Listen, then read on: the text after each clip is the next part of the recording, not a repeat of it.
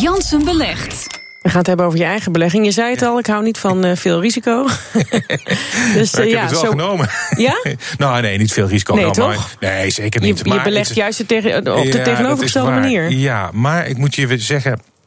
Vergeleken met uh, een week geleden is er niet veel veranderd. En dat betekent dat ik nog steeds uh, licht uh, in de min sta. En dat eigenlijk alleen Apple en NN Group, de verzekeraar, dat die in de plus staan. En daar Ja. zit niet zo heel veel verandering in. Hoe kan het Eh, ook alweer dat iedereen eh, zo slecht staat? De rest? Nou ja, dat heeft verschillende redenen hè, natuurlijk. Want het zijn allemaal verschillende bedrijven. Het gaat van ABN AMRO tot eh, AB InBev, de grootste brouwer ter wereld.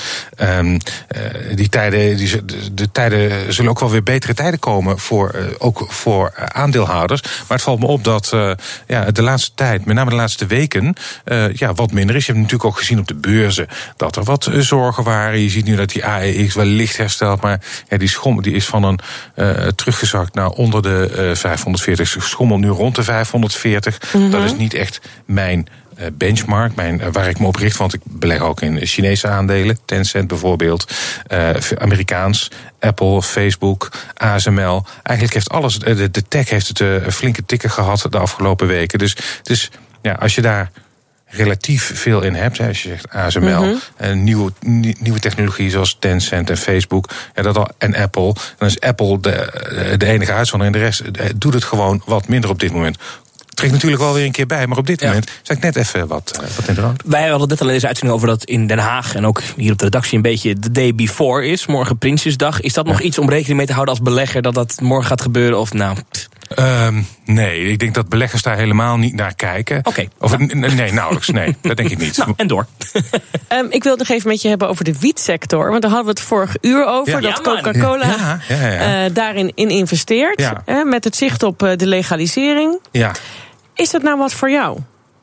Dat je denkt, met de blik op de toekomst... daar kunnen wel eens grote winsten gemaakt worden in die Als sector. belegging dan, hè? ja, daar kunnen grote winst eh, Ja, gemaakt niet om te roken.